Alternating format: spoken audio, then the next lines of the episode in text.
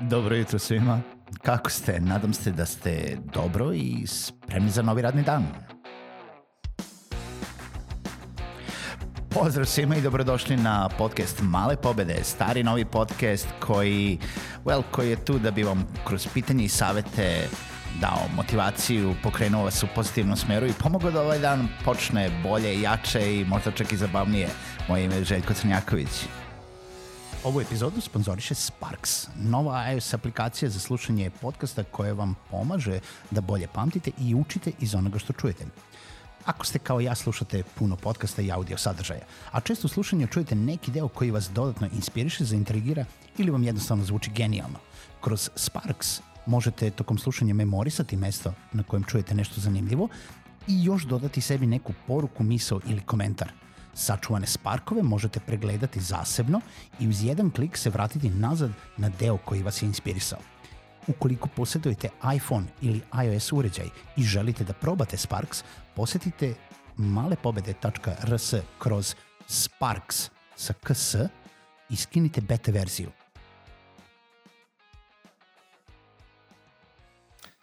Pozdrav svima, dobro jutro i dobrodošli u novu epizodu podcasta Male pobede. E, mislim da je ovo zadnja epizoda u kojoj ću svima da poželim sretnu novu godinu o, i, e, i mnogo uspeha u ovome. Ovo je zadnja epizoda u prvoj nedelji a, 2020. godine i još jednom hvala svima što slušate.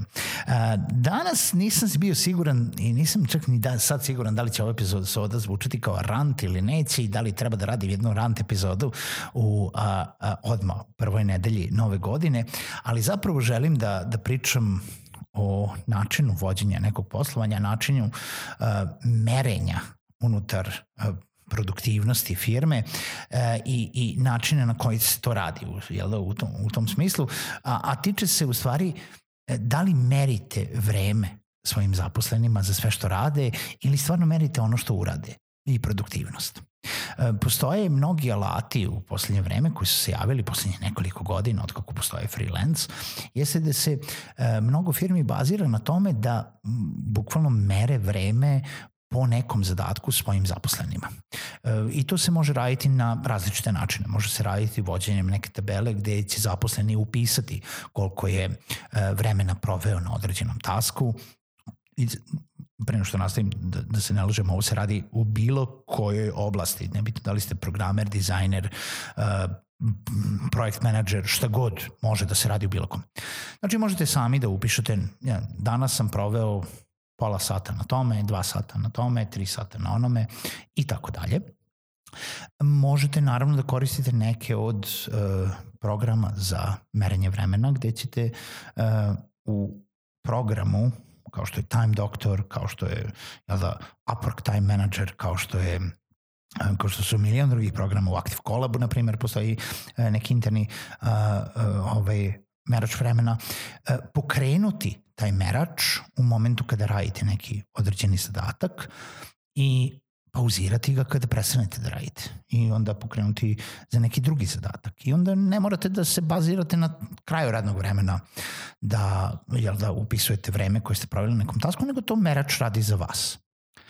Šta je minus toga? Minus toga jeste da većina tih merača ujedno može da slika ekran, da prati koliko se miš pomera po ekranu, koliko brzo kucate i da stvarno, znači, radite na tom zadatku uh, toliko, toliko količinu vremena koju ste zacrtali, to jest koju u stvari on izmeri ili koju ste napisali, koju želite da napišete u nekom, u nekom ruku. Um, da li je to dobro ili loše? Ima gomila razloga zašto ljudi kažu da je to dobro.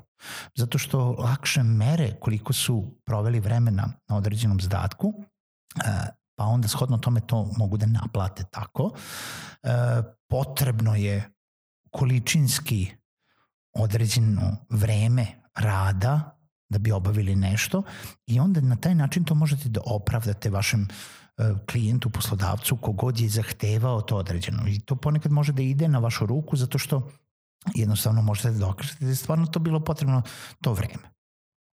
Sa druge strane, ima gomila ljudi koji to ne voli da radi, zato što e, u nekim zadacima koji su kreativni, koji ne zahtevaju ono slepo kucanje po ekranu, nego ponekad im da malo razmišljate uh, ili da nacrtate nešto ili da se prošetate i dobijete tu neku inspiraciju za, da bi obavili nešto. Uh, jednostavno ne možete to da pretvorite u vreme. Naravno, postoje izdaci koji, za koje ste se toliko dugo obučavali. Nebitno da li ste to radili u formalnom ili neformalnom obrazovanju, gde vi za nešto što je nekome potrebno dva sata da uradi, možete isto to da uradite za pola sata ili za 15 minuta, a da li to znači da se vaš rad treba manje vrednovati?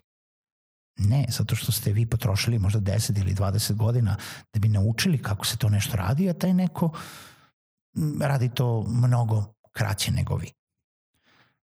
Da li vi treba da budete maksimalno iskorišteni u vaših 8 sati rada zato da bi bili plaćeni tih 8 sati. I sad da pričamo o menadžerima. Svaki menadžer želi i hoće da maksimalno izvuče sve što može iz svojih radnika. Zašto? Zato što jednostavno tako dobije na učinkovitosti, može više da zaradi, može više da produkuje, može više da naplati svojim krajnjim klijentima, naspram toga da uh, jel da imate neke rupe u, tom, u, u vaših 8 sati za koje on vas plaća.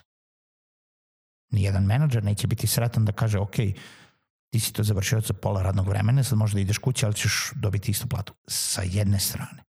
Sa druge strane, ukoliko postavite normalne, kvalitetne i uh, realne uslove poslovanja u smislu imaš određeni zadatak dokle možeš da ga završiš i taj neko napravi procenu mogu da ga završim za tri dana. U redu. Dokle možeš da završiš ovaj drugi? Mogu da završim za još tri dana. Ili mogu da završim za u četvrtom danu, zašto ću paralelno da ih radim.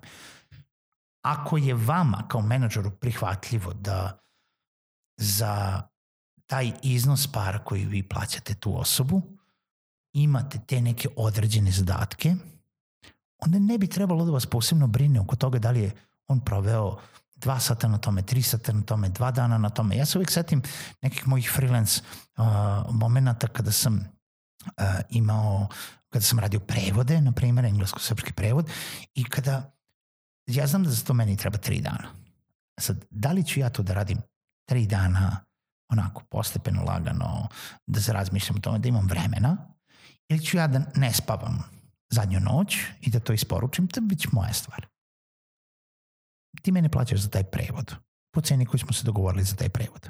Naravno da je mnogo teže kada pričamo o, o baš zaposlenima koje plaćate platu i da je mnogo teže da menadžerima da prihvate da ne mere baš svaki moment.